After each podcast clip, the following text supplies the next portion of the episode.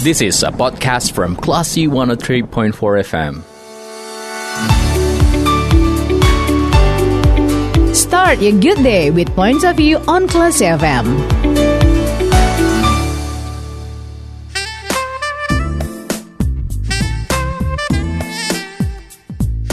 Dari Bumi Karang Putih Indarung Padang, 103.4 Kelas FM, this is the Kual Radio.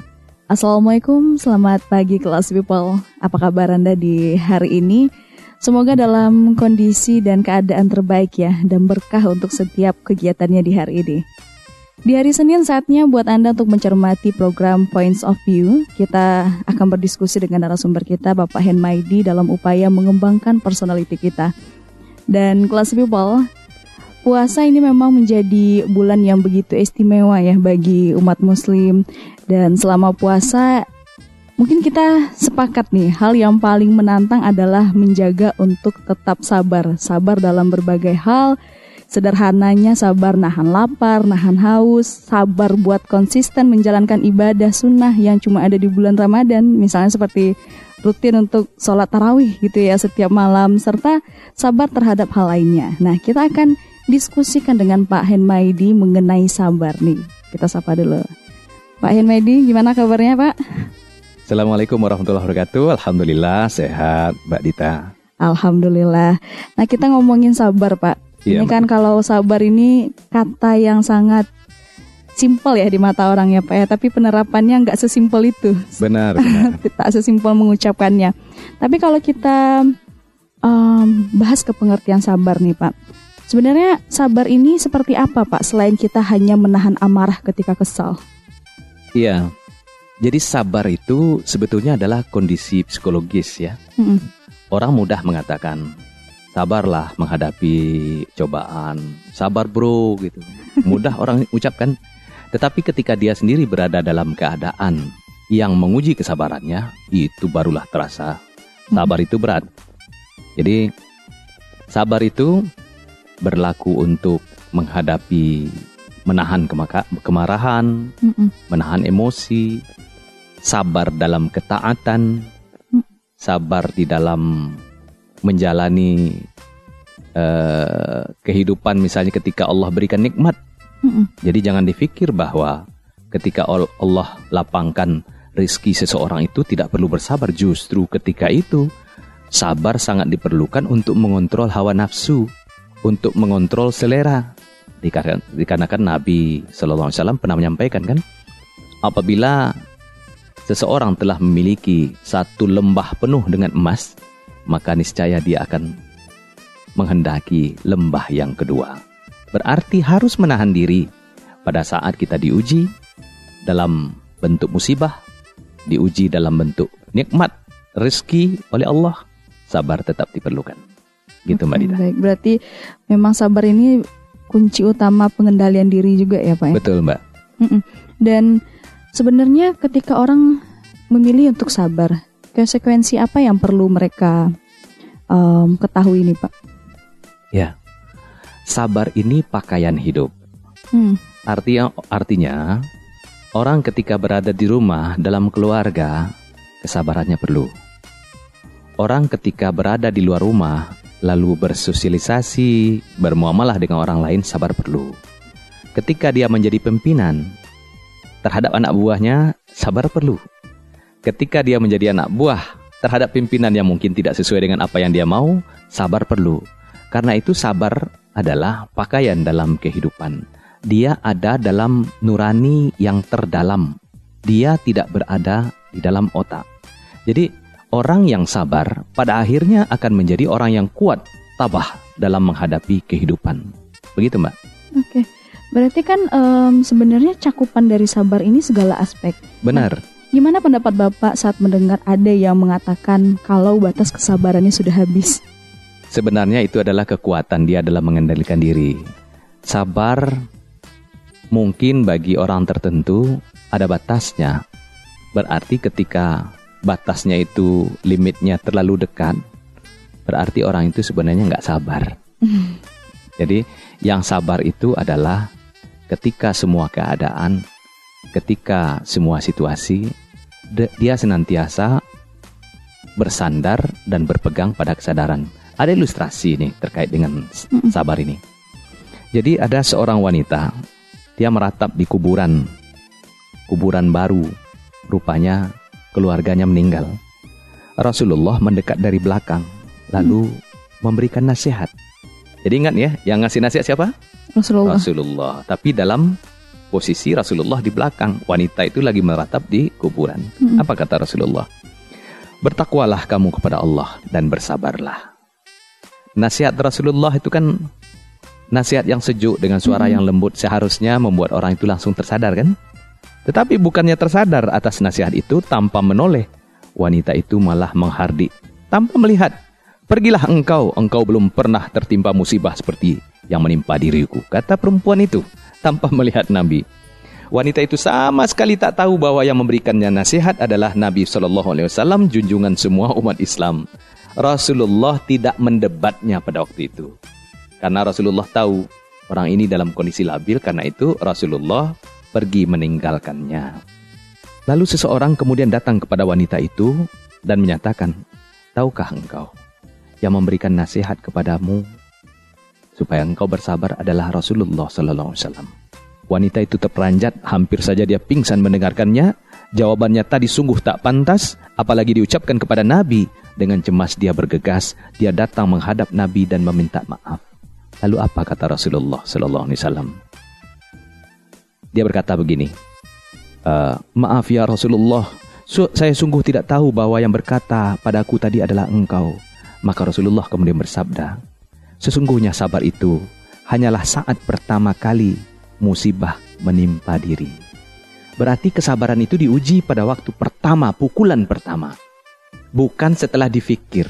Ah, Nah wanita itu kan setelah dalam keadaan seperti itu dinasihati oleh Nabi, kemudian dia berkata, pergilah engkau, engkau tidak pernah merasakan apa yang ku, kurasakan ini. Tapi setelah orang lain menyampaikan padanya, baru dia berpikir, mm, Astagfirullah, apa yang kukatakan pada Nabi tadi? Akhirnya dia berlari, Ya Rasulullah maaf. Apa kata Rasulullah? Sabar itu adalah ketika pukulan pertama. Nah itu dasarnya adalah hadis Bukhari. Nah kalau kita gali ilustrasi tadi ya Pak ya, kan eh, banyak lah kita melihat gitu ya. Mungkin em, saya pun juga pernah mengalaminya semacam seakan-akan di kondisi sulit seakan-akan hanya kita yang paling menderita gitu ya. Dan sering membanding menga- mengadu nasib jatuhnya dengan orang lain. Nah salah nggak sih Pak kita berusaha untuk eh, mengendalikan diri dengan dalam artian kita ingin sabar nih ceritanya Pak, tapi eh, membandingkan nasib kita dengan orang lain. Misal seperti ini Em, ya udah sabar aja ada kok orang yang lebih parah lagi dari ini nah yang kayak kayak gitu sebenarnya eh, salah satu cara untuk sabar yang baikkah atau sebenarnya itu bukan hal yang eh, semestinya dilakukan Justru begitu seharusnya yang dilakukan. Jadi ketika kita ditimpa musibah, kita memandang kepada orang yang lebih parah lagi. hmm. Seperti misalnya orang yang ditimpa penyakit sehingga kakinya lumpuh. Hmm. Dia melihat kepada orang yang tidak punya kaki. Hmm. Alhamdulillah Allah masih berikan saya kaki. Itu tetangga kaki nggak punya. Hmm. Jadi melihatnya ke bawah. Dari situ timbul rasa syukur. Dikarenakan nikmat kita ternyata lebih besar daripada ujian. Karena orang lain diuji lebih daripada itu. Maka timbul rasa syukur. Akan halnya orang yang tidak punya kaki. Ketika ditanya bagaimana hidupnya. Alhamdulillah. Saya masih hidup. Itu tetangga meninggal kemarin. Kayak gitu. agak serem ya Pak ya Iya, tetangga meninggal kemarin. Aku masih dikasih Allah hidup sehingga lidahku masih bisa bersabar dan bersyukur pada Allah Subhanahu wa taala. Nah, jadi justru ketika kita ditimpa musibah, lihatlah kepada orang yang lebih parah sehingga yang timbul adalah rasa syukur. Akan tetapi ketika kita melihat kepada orang yang punya nikmat lebih besar, akhirnya yang kita punya tidak kita syukuri.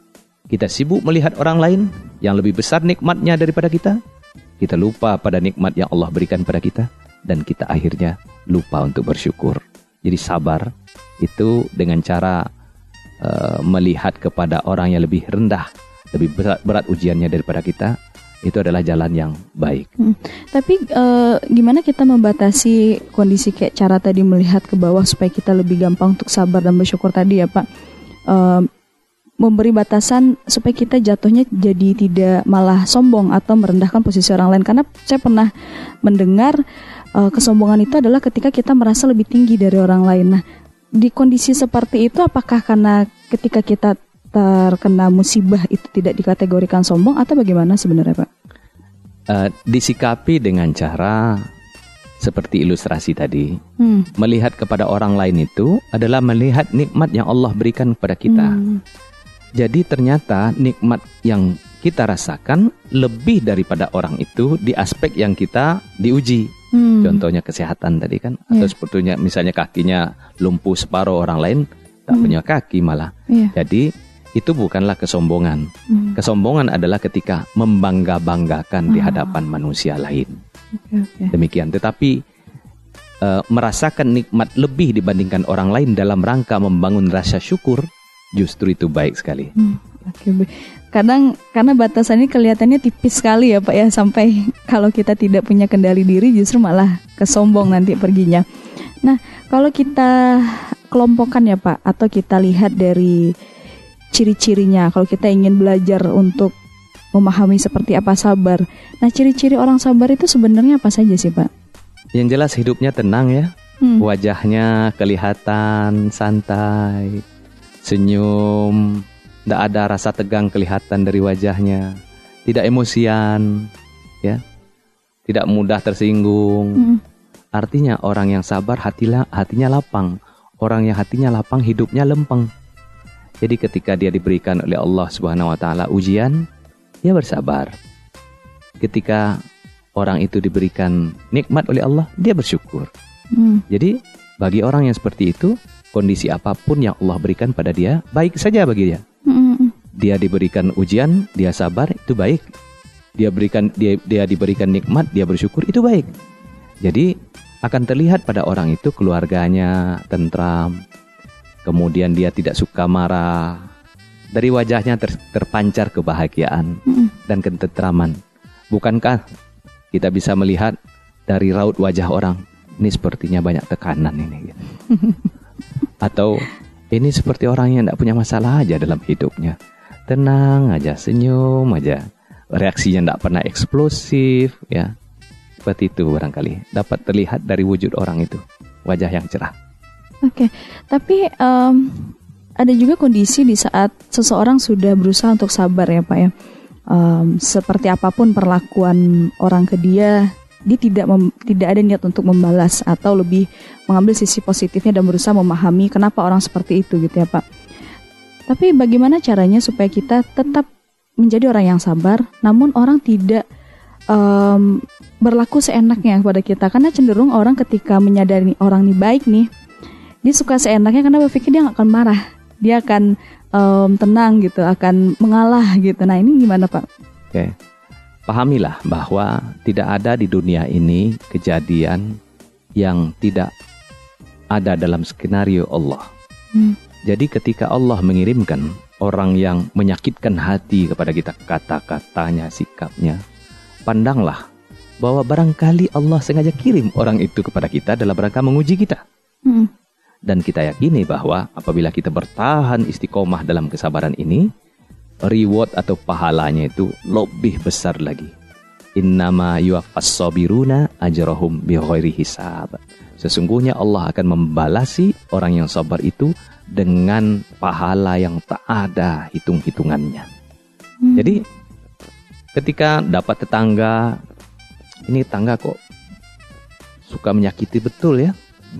Kenapa kok begini, begitu? Iya, Ya, siapa tahu Allah sengaja kirimkan orang macam itu kepada kita. Itu bagian daripada uji, ujian.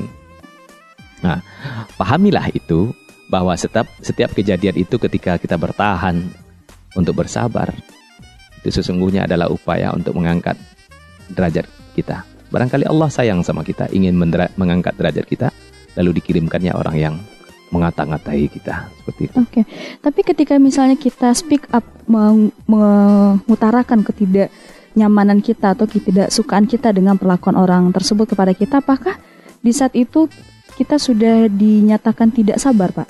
Tidak. Jadi mengatakan sesuatu kepada orang, wujudnya adalah untuk mengingatkan atau memberikan nasihat Hmm. kepadanya adalah bagian daripada ikhtiar. Sepanjang kita mengucapkannya dengan baik. Mm, mm, mm. Jadi Nabi Shallallahu Alaihi Wasallam pernah bersabda, "Man kana yu'minu billahi wal yaumil akhir, falyakul khairan aw liyasmut." Barang siapa yang beriman kepada Allah dan hari akhir, maka hendaklah dia berkata yang baik-baik atau dia diam saja. Jadi ketika kondisi itu masih mampu membuat kita berkata yang baik kepada orang itu, lakukanlah. Bukankah ketika Nabi Musa dikejar-kejar oleh Firaun, mau dibunuh oleh Firaun, Allah tetap berfirman kepada Nabi Musa, "Pergilah kepada Firaun itu, berikanlah nasihat kepadanya dengan baik." Jadi itu adalah bentuk-bentuk ujian. Namun kalau rasa-rasanya nanti khawatir kata-kata yang kita ucapkan di luar, di luar daripada kontrol, Mm. aulia smooth. Lebih baik diam Lebih saja, baik diam saja berarti. menghindarlah. Tapi nggak salah misalnya Pak, kita menyadari nih, mau kita sampaikan pun eh, ini nggak akan ada perbaikan misal karena sudah wataknya sudah terbentuk dari orang seperti itu. Terus kita memilih untuk menjaga jarak. Nah ini bakal salah nggak Pak? Semacam menjaga jarak berarti kan eh, interaksi kita atau silaturahmi kita jadi berkurang nih dengan orang yang mungkin sering memberi perlakuan yang tidak menyenangkan untuk kita. Ketika kita menganggap bahwa itu akan memberikan kebaikan dan tidak memperburuk keadaan kita, Hmm. ambillah sikap. Toh kita tidak menyakiti dia, Hmm. cuman ketika eh, ada momen-momen untuk bertemu, kita memilih untuk tidak bertemu, kan tidak ada masalah. Ah, oke. Artinya dalam kondisi seperti itu kita tidak menyakiti dia, tapi kita memelihara hati, Mm, mm, begitu. Bahkan dalam kondisi tertentu kita diperintahkan untuk menghindar. Oke. Kita diperintahkan untuk menghindar. Jadi ketika kita berhadapan dengan orang-orang yang seperti itu diberi nasihat tidak mau mau janganlah duduk bersama mereka. Pergilah menghindar. Itu memang tidak perlu dipaksakan sebenarnya ya Pak ya. Ya, ketimbang kita membuat posisi kita dalam posisi yang tertekan, Hmm. kemudian yang timbul adalah hal yang buruk. Maka tinggallah, tinggalkanlah orang itu. Pergilah dari dia. Gitu. Oke, baik Pak. Em, tentu setiap eh, ada baik, ada buruk gitu ya Pak ya. Nah, ketika orang sabar itulah yang akan didapatkan. Ketika tidak sabar seperti apa nanti dampaknya untuk kehidupan dia. Tapi kita akan bahas di sesi berikutnya ya Pak. Kita jeda sebentar. Nah, kelas people kita akan kembali lagi sesaat lagi. Jadi jangan ke mana-mana. Keep in tune di 103.4 kelas FM. This is a podcast from Classy 103.4 FM. Makes a good perspective with points of view on Classy FM.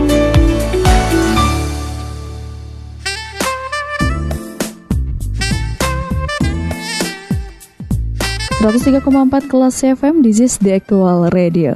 Kelas People Anda masih mencermati points of view bersama Siti Indira dan juga Bapak Henmaidi. Tadi kita sudah bahas uh, seperti apa pentingnya sabar untuk kehidupan kita, terus juga apa saja nih ciri-ciri orang yang bersabar, kemudian uh, pengertian dasar dari sabar itu seperti apa. Nah, kali ini Pak, saya mau menanyakan sabar ini kan sebenarnya banyak aspeknya ya Pak ya. Tapi dalam hal apa saja sih sebenarnya kita perlu bersabar, Pak? Eh, baik Mbak Dita. Jadi kesabaran itu adalah pakaiannya. Letaknya tuh di nurani, bukan di otak. Hmm. Jadi orang yang mampu berceramah tentang sabar, belum tentu dia sabar dalam keseharian. Belum tentu dia sabar dengan tetangganya, dengan anaknya, dengan keluarganya. Tapi ketika ceramah, dia sanggup bercerita tentang kesabaran. Nah, di mana kita mesti memakai? Karena ini merupakan sesuatu yang terletak jauh di dalam nurani, maka dia terpakai untuk semua hal. Contoh nih ya, menghadapi emosi, emosinya bisa dia tundukkan. Itulah kesabaran. Menghadapi ketamakan terhadap harta, hatinya dia mampu kendalikan. Itulah sabar. Menghadapi godaan dari matanya dalam memandang sesuatu yang tak boleh untuk memandangnya, hatinya mampu mengendalikan. Pandangannya dia tundukkan menghadapi syahwat kekuasaan di mana orang-orang berlomba mengejarnya walaupun dengan berbagai cara dia tidak mau ikut dengan Hmm. cara orang-orang itu. Itu artinya hatinya yang penuh dengan kesabaran dapat mengendalikan dia. Berarti sabar itu ada dalam semua hal. Hmm. Gitu Mbak Dita. Oke, berarti uh, balik lagi sabar adalah tiang untuk pengendalian diri gitu ya Pak. Bahkan menentukan juga dalam pilihan-pilihan uh, kita dalam uh, bertindak gitu ya. Namun kalau kita melihat sabar itu kan berarti kita kekeh dengan kebenaran sebenarnya ya Pak. Itu kan pengendalian diri juga. Uh, bagaimana Bapak melihat ketika orang menganggap uh, sebuah idealisme berandaskan kebenaran itu sering di menjadi seakan-akan idealisme itu mempersulit kehidupannya. Nah itu gimana Pak? Baik, uh, ada poin penting yang Mbak Dita sebutkan tadi tentang sabar itu sebenarnya ada hubungannya dengan kepercayaan. Hmm. Sabar itu sebenarnya ada hubungannya dengan keimanan. Jadi ketika sabar itu hanya berupa pengetahuan, dia tidak akan berubah ber, ber, ber, ber, ber, berwujud menjadi hmm. perilaku. Namun apabila basis dari sabar adalah keimanan, kepercayaan kepada Allah Subhanahu wa taala, yang memang Allah yang memerintahkan kita untuk sabar, maka keimanan itu akan menuntun sikap dan perilaku. Sabar itu akan menjadi kuat karena dasarnya adalah iman. Jadi kesabaran yang benar adalah kesabaran yang didasari oleh keimanan. Nah, apabila basisnya adalah iman, maka setiap kali kita menghadapi sesuatu yang berat sekalipun, mm -mm. pada akhirnya kita akan bersandar dan kembalikan kepada Allah. La haula wala quwwata illa billahil alil azim. Jadi, ini adalah bentuk ujian, cobaan yang dikirimkan oleh Allah Subhanahu wa taala. Pada akhirnya apa? Apa pun nanti ujungnya, sesungguhnya yang akan dinilai oleh Allah Subhanahu wa taala adalah dengan cara apa kita menyikapinya? Dengan cara sabar. Mm -mm. Dan kita harapkan pahala. Berarti, Jadi basisnya begitu. Mm -mm. Sabar berkait dengan iman. Iya. Jadi sebenarnya orang uh, yang apa ya? Yang memiliki idealisme gitu ya merasa um, dan bahkan sering kesulitan dengan idealismenya nggak salah sebenarnya dia menjalankan idealismenya ya Pak, tapi tergantung pada landasan apa yang dia gunakan dalam idealisme dia gitu ya. Justru kesabaran itu diuji untuk orang yang punya idealisme. Hmm. Allah akan uji orang yang memang memiliki kekuatan untuk diuji. Karena seseorang tidak akan diuji lebih daripada kemampuan dia. Jadi apabila seseorang itu kuat dalam idealisme dia, hmm. maka dia akan harus bersiap-siap ujian untuk dia lebih besar daripada orang lain. Karena itu bertahanlah dalam idealisme itu. Karena idealisme yang kita maksud ini haruslah yeah. idealisme kebenaran ya. Mm -hmm. Selalu bertindak benar, selalu bertindak lurus. Sekalipun yeah. semua orang menyimpang, kita tetap berjalan pada yang lurus. Itulah idealisme. Biarkan. Kenapa? Karena sesungguhnya kehidupan ada dua dimensi. Orang lihat kita susah di dalam kehidupan di dunia, tapi hati siapa yang tahu? Hmm. Boleh jadi orang yang menanggalkan idealisme dia sukses secara dunia, hartanya banyak, pangkatnya tinggi. Coba cek hatinya. Apakah dia merupakan orang yang berbahagia? Jangan-jangan anaknya tidak beres pendidikannya. Sementara orang yang bertahan dengan idealisme, mungkin sekilas dia tidak nampak berlebihan dalam harta, tetapi boleh jadi wujudnya adalah anak dia yang soleh dan soleha. Hmm. Hati dia yang tenang. Tenang, begitu. Jadi yakinlah bahwa Allah memberikan uh, pahala di dunia dan di akhirat kepada bagi orang yang sabar. Mm-hmm. Jadi tidak kita pandang bahwa kesulitan kehidupan di dunia adalah kerugian bagi dia. Mm-hmm. Kesulitan kehidupan di dunia adalah bagian daripada ujian kesabaran. Okay, Semua baik. merupakan bagian daripada skenario. Oke okay, baik. Nah kalau kita ngomongin soal idealisme, memang banyak kita lihat di lapangan mereka yang berusaha bertahan dengan idealismenya justru ternyata dipersulit oleh situasi karena um, ya berbagai cara instan yang banyak orang lakukan dan banyak juga yang akhirnya goyah dan terbawa arus dengan cara-cara yang menentang idealismenya nih Pak. Nah, di, di kondisi seperti ini apa akibatnya jika seseorang akhirnya kalah alias uh, tidak sabar nih Pak dengan mempertahankan idealisme terhadap kebenaran tadi ya Pak ya. Mungkin bisa dari aspek karirnya itu seperti apa Pak? Mengalahkan idealisme untuk sesuatu yang bersifat duniawi adalah kekalahan yang luar biasa. Dia menyangka akan mendapatkan kebahagiaan dengan cara menanggalkan idealisme. Pada akhirnya, dia mendapatkan fata morgana Hmm. Kebahagiaan yang dia peroleh adalah kebahagiaan yang semu. Semakin lama semakin jauh letaknya, dikejar terus, dikejar terus, dikejar, dikejar terus. Awalnya sederhana, dia sedikit melupakan idealisme untuk pertimbangan mendapatkan karir. Mm-mm. Akhirnya sesungguhnya dia telah memasukkan nila setitik ke dalam susu sebelanga. Jadi kan tak mungkin kita memasak nasi lalu kita masukkan sedikit saja racun racun tikus. Nggak mau kan?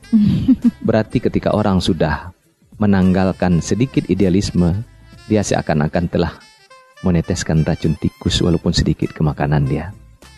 Berkah tak ada. Eh, Baik. Kalau untuk karir mungkin masih berdampaknya ke personalnya orang yang melakukan ya Pak. Tapi kalau kehidupan bersosial bertetangga ini Pak, eh, rata-rata orang yang punya idealisme yang kuat dengan kebenaran eh, menghadapi lingkungan yang mungkin punya kebiasaan bertentangan dengan kebenaran seperti menjalankan mitos atau apa gitu, justru malah dijauhi oleh em, sekitar. Nah ini gimana Pak? Eh, di situlah dipakaikan sikap arif dan bijaksana ya. Jadi ketika kita berbeda dengan orang lain, kita tidak ngotot pula pada orang lain. Hmm. Cukup tidak usah dipraktekkan dalam diri dan keluarga, tapi tak usah berkuar-kuar untuk menyatakan Anda salah, Anda begini, Anda begitu. Apabila posisi kita memang bukan sebagai orang yang uh, akan memberikan uh, tausiah seperti itu. Jadi pakaikanlah di situ hikmah kalau istilah dalam Islam itu kan ajaklah manusia dengan hikmah. Hikmah artinya ketika kita berbeda dengan orang lain tak harus pendekatan kita adalah fro- frontal. Hmm. Jadi tak harus membuat gap dan permusuhan. Mm-mm. Tetap lurus untuk diri sendiri tanpa harus mengganggu orang lain. Mungkin ada saatnya kita harus bersikap seperti itu. Dikarenakan apa? Boleh jadi dikarenakan sikap kita yang seperti ini, satu dua orang akhirnya tertarik. Enak sekali cara bapak bersikap, cara ibu, cara mbak bersikap ya. Ah, akhirnya kan timbul empatinya, kemudian dia pengen tahu lebih banyak, lalu dia bertanya, nah, di situlah kita sampaikan.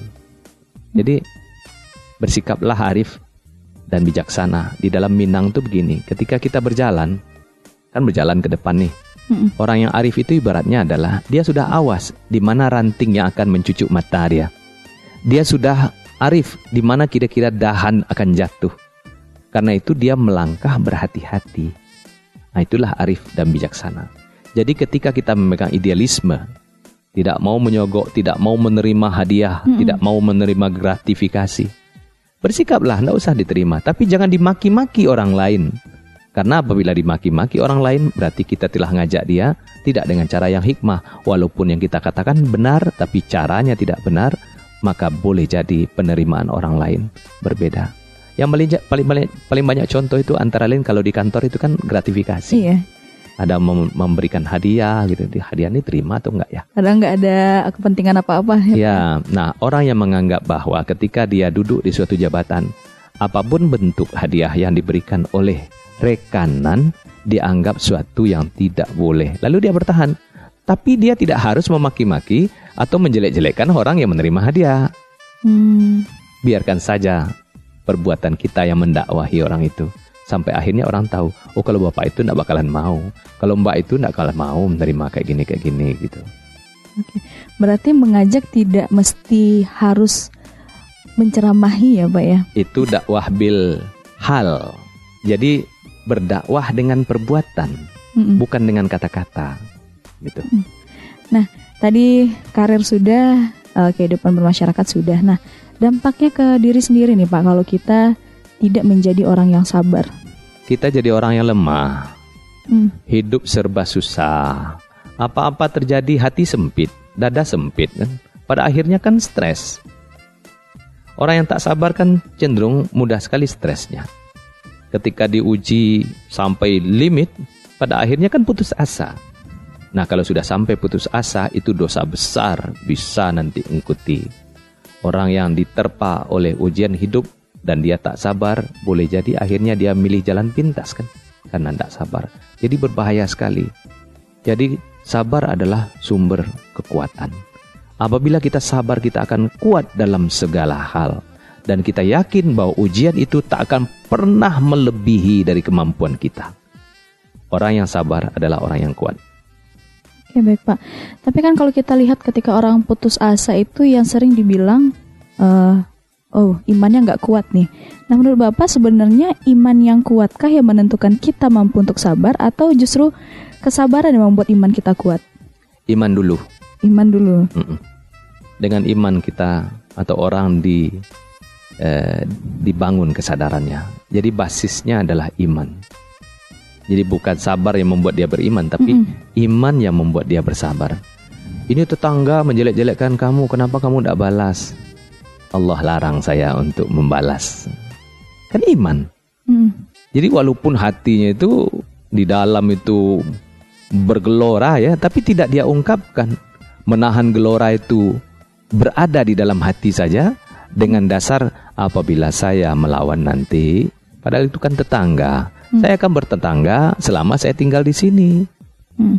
Tetangga tidak bisa dipilih masalahnya. Ah, karena itu ketika ada perbuatan tak menyenangkan dari tetangga, simpan saja di dalam hati. Lo nanti kan jadi stres pak? Enggak, sandar saja kepada Allah Subhanahu Wa Taala. Ya Allah, berilah, berikanlah petunjuk dan hidayah kepada tetangga kami, kepada keluarga kami semuanya. Biarkan Allah yang menyelesaikan urusannya. Begitu pak. Oke, ngomongin soal interaksi juga Pak, maaf mungkin saya sedikit tarik lagi ke belakang masih interaksi dengan masyarakat dan juga interaksi dalam karir juga gini ya Pak ya.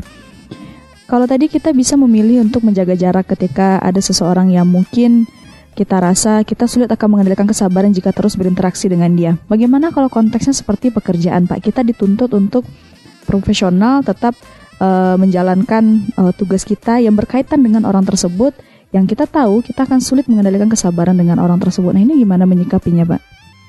Mbak Dita tahu jihad kan? Ya. Jihad itu enteng atau berat? Berat, Pak. berat apalagi di zaman Nabi dulu kan pergi berjihad fisabilillah kan Hmm. nyawa tantangannya kan kan Iya. berat maka ketika tak ada lagi perang jihadnya adalah seperti ini emang berat tetapi ingat semakin berat ujian kesabarannya semakin manis ujungnya Oke, berarti eh, sikap yang bisa kita ambil ketika ibaratnya tidak ada kecocokan gitu ya Pak ya dalam interaksi dengan orang yang bersangkutan, yang bisa kita ambil kita memahami karakter dia seperti itu dan kita mencari treatment yang akan mengurangi dampak-dampak dari perselisihan gitu ya Pak. Eh, segala sesuatu di lingkungan kita mesti ada sebab akibat. Hmm, kenapa orang tuh seperti itu? Ada sebabnya. Sebabnya mungkin kita mungkin orang lain mungkin keluarganya hmm, Mungkin tetangga dia terbawa-bawa sampai ke kantor. Maka senantiasalah bersikap proporsional. profesional. Proporsional tidak dibuat-buat. Ya. Karena apabila dibuat-buat kelihatan tidak tulusnya. Hmm, Bersikap saja proporsional.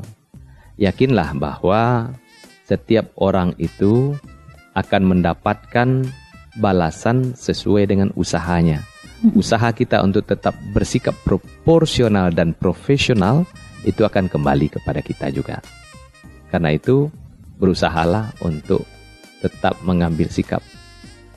Apabila ingin berkata-kata dengan orang itu, falyakul khairan, maka tetaplah ucapan ucapkan yang baik. Boleh jadi di penghujungnya nanti timbul kesadarannya dan orang yang selama ini yang tidak baik dengan kita, dialah yang pada akhirnya menjadi penyokong kita. Oke. Gitu, Mbak. Berarti kita sebenarnya nggak perlu uh, misalnya dia seakan-akan melihatkan powernya gitu ya Pak ya kita nggak perlu balas melakukan hal yang sama supaya kita terlihat berpower juga di mata dia ya apa pun penilaian dia ke kita ya kita balikan ke dianya saja gitu ya Pak yang kita tetap di jalannya kita Ya. Bersikap proporsional, tidak terpengaruh dengan profesional kita, hmm. maka buahnya nanti insya Allah manis. Jangan punya pretensi untuk membalas. Hmm. Ketika ada niat membalas dengan cara misal ketika berkata-kata lalu menyindir-nyindir, Hmm. itu membuat lubang tambah menganga. Ah, oke. Jadi bersihkan hati kita dari niat untuk membalasnya. Beratkah itu? Ya, Ya, berat. berat. Tapi buahnya manis. Begitu, Mbak. Oke, baik Pak. Dan saya juga ingin menanyakan sebenarnya sabar itu ada tingkatannya atau tidak gitu ya Pak ya. Terus juga em, seperti apa semestinya kita bisa mengukur kesabaran. Namun itu akan kita bahas di sesi berikutnya ya Pak. Kita jeda sebentar. Jadi kelas people jangan ke mana-mana. Keep in tune di 103.4 kelas FM di Actual Radio. This is a podcast from Classy 103.4 FM. Makes a good perspective with points of view on Class FM.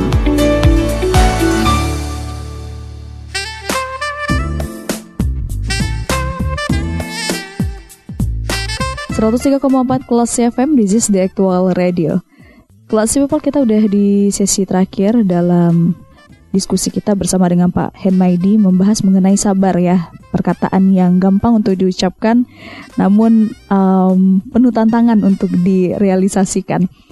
Dan Bapak tadi kita sudah membahas sebenarnya kalau sabar itu banyak aspeknya.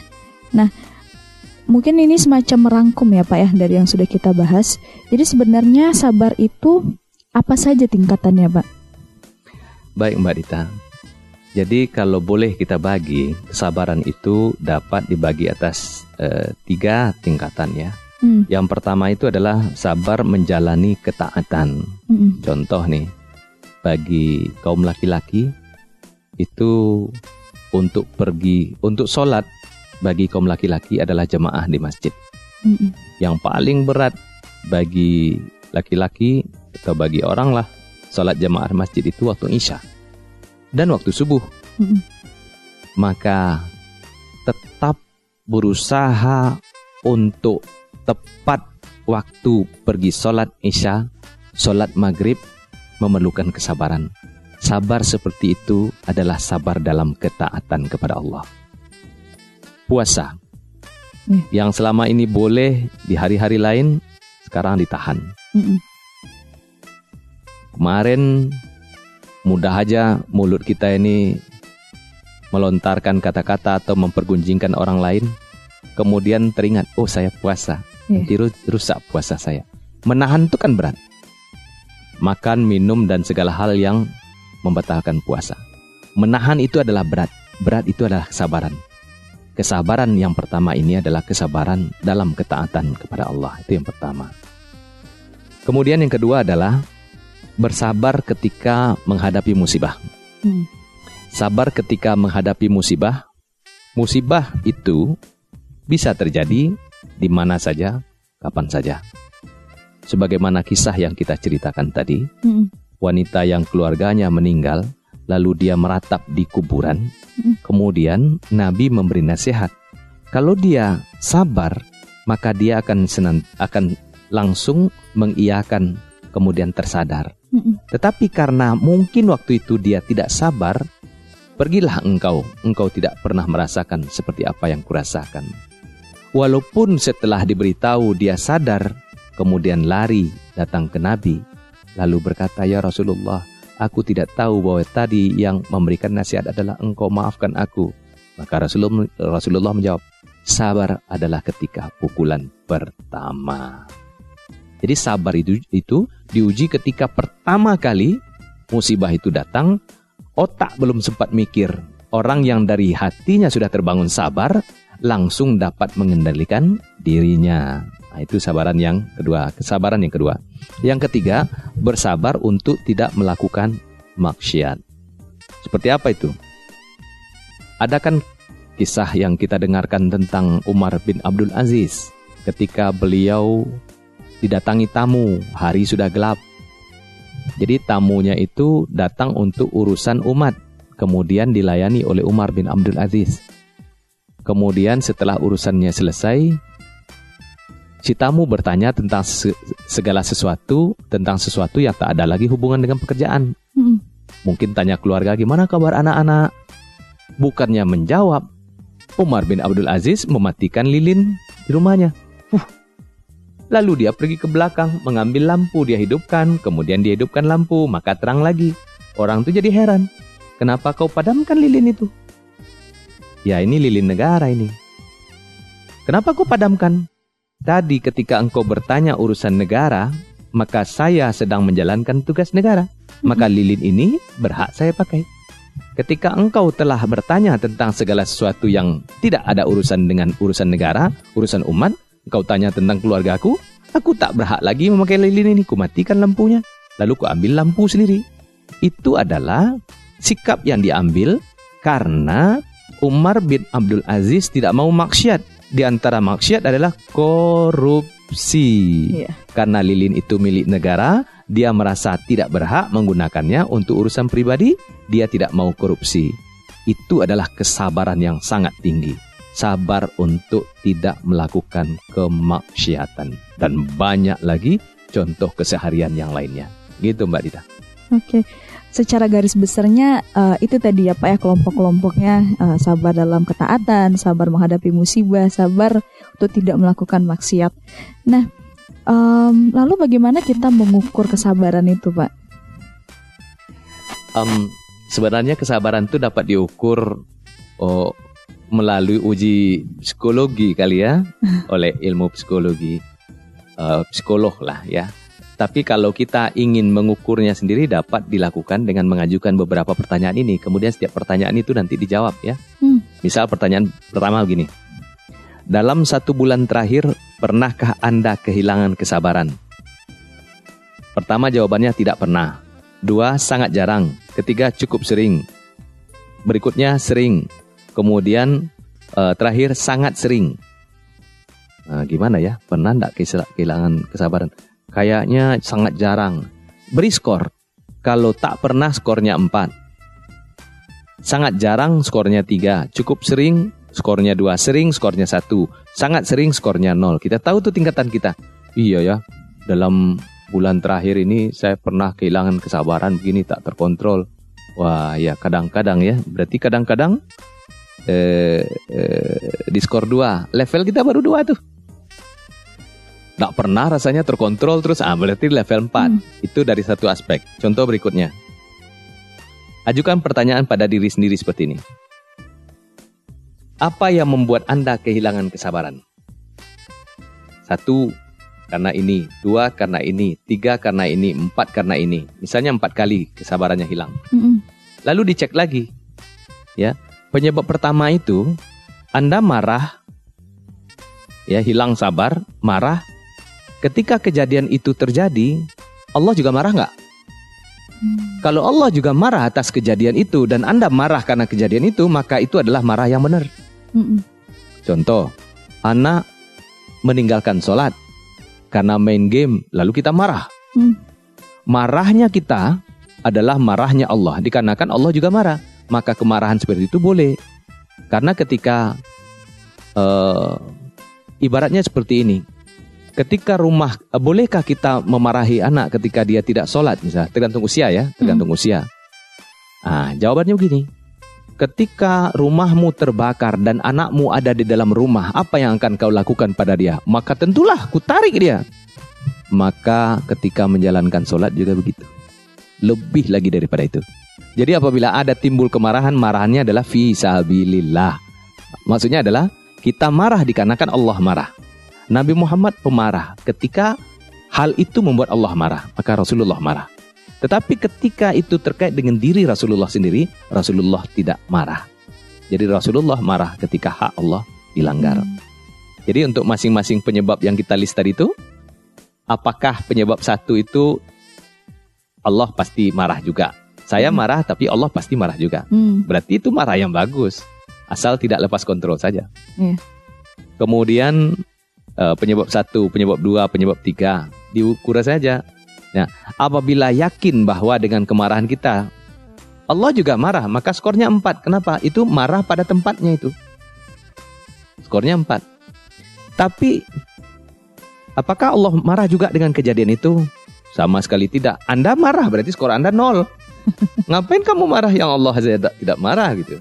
Kan bisa diukur tuh Mm-mm. ya bisa diukur. Nah, itu. Kemudian bagaimana cara mengekspresikan kemarahan? Satu begini, dua begini, tiga begini. Coba cek. Ekspresi yang pertama adalah dengan cara berteriak. Coba tanya diri. Apakah dengan cara mengekspresikan seperti itu Allah suka? Kalau ekspresi kemarahan itu disukai oleh Allah, maka skornya 4. Berarti kita bagus, terkontrol berarti. Hmm. Tapi apabila ekspresi kemarahannya itu tidak disukai oleh Allah Subhanahu wa taala, berarti memang buruk, kemarahan yang buruk. Jadi ekspresi satu misalnya dengan cara memukul. Hmm. Allah suka enggak kita memukul? Enggak. Nah, berarti itu bukan ekspresi yang benar. Dari situ pada akhirnya kita bisa hitung pada level berapa kita pada saat ini. Itu antara lain approach ya, walaupun tidak secara ilmiah, mm-hmm. namun kita akhirnya sadar marah bukan tidak boleh, marah pada tempatnya, yaitu ketika Allah marah dengan perbuatan itu kita pun marah. Satu. Yang kedua, ekspresi kemarahan. Apakah Allah redha dengan ekspresi kemarahan seperti ini? Apabila tidak, maka kita salah. Bukan kemarahan yang benar. Mm. Jadi kurang lebih itu salah satu approach ya untuk ngukur diri sendiri di mana sih saya selama ini gitu. Hmm. Gitu Mbak Dita. Semacam uh... self assessment. Iya. Benar. Dan kalau ini ya Pak ya, kan kita lebih mengarah tadi sabar tuh ke amarah-amarah gitu ya Pak. Rasa sedih apakah ini juga menandakan kita nggak sabar Pak? Maksudnya di kondisi tertentu kita gampang sedih gitu. Sedih itu adalah rasa yang Allah masukkan ke dalam jiwa kita. Sedih, gembira itu kan rasa yang Allah masukkan. Hmm. Yang membedakan orang itu adalah ekspresi kesedihan. Hmm. Jadi kembali lagi uh, orang yang sabar dalam kesedihan, dia akan berusaha supaya ekspresi kesabarannya adalah tidak dengan cara melanggar perintah Allah. Tidak dengan berteriak-teriak, tidak dengan menjambak rambut, tidak dengan menyobek-nyobek pakaian, begitu. Jadi atau tidak dengan cara mengurung diri terus tidak mau makan lagi, tidak mau sholat lagi. Itu kan bisa jadi orang yang dalam keadaan sedih, tidak peduli lagi kan? Tidak hmm. peduli lagi apa kata orang, tidak peduli lagi tentang sholat, tentang mengaji dan lain-lain. Itu ekspresinya. Bahwa sedih Nabi Muhammad pernah sedih dan meneteskan air mata. Lalu apakah Nabi Muhammad tidak sabar sehingga kok nangis? Hmm. Itu terjadi ketika putra beliau Ibrahim, putra beliau meninggal. Masih anak-anak, lagi lucu-lucunya, hmm. dipanggil Allah.